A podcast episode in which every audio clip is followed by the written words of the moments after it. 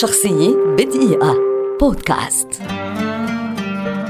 ألبرتو مورافيا كاتب إيطالي شهير ولد في روما عام 1907 ويعد أحد أبرز كتاب إيطاليا والعالم في القرن العشرين. ويقال إن ما يقارب المليار نسخة من كتبه قد بيعت في الولايات المتحدة خلال الأربعينات والخمسينات.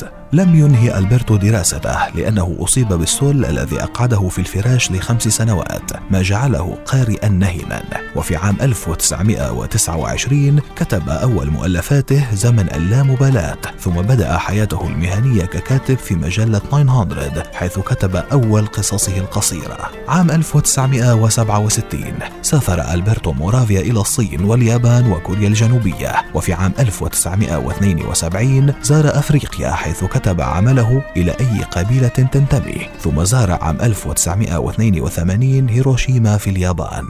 أسس ألبرتو مجلة أدبية بعنوان New Arguments كما أسس أيضا مجلات مراجعة أدبية مثل Characters و Today بالإضافة إلى منشوراته في جريدة لاجازيتا ديل بوبولو تميزت أعمال مورافيا الأدبية بالبراعة والواقعية لنفاذه إلى أعماق النفس البشرية فقد هاجم الفساد الأخلاقي في إيطاليا. ترجمت معظم أعماله إلى عدة لغات كما تم تحويل العديد من رواياته إلى أفلام سينمائية. يتسم أدب مورافيا بالتركيز على التحليل النفسي لنوع العلاقة بين الجنسين وهذا واضح مثلا في روايته الاحتقار. ومن أبرز رواياته نذكر السأم وهي رواية حازت على أكبر جائزة أدبية في إيطاليا. دولاب الحظ امرأة من روما المرأتان العصيان. حكايات من روما مراهقون ولكن وأنا وهو. كما نشر له بعد وفاته ديوان شعر جمع قصائد كتبها في السبعينات. عام 1990 وجد ألبرتو مورافيا ميتا في حمام بيته في روما عن عمر ناهز 83 عاما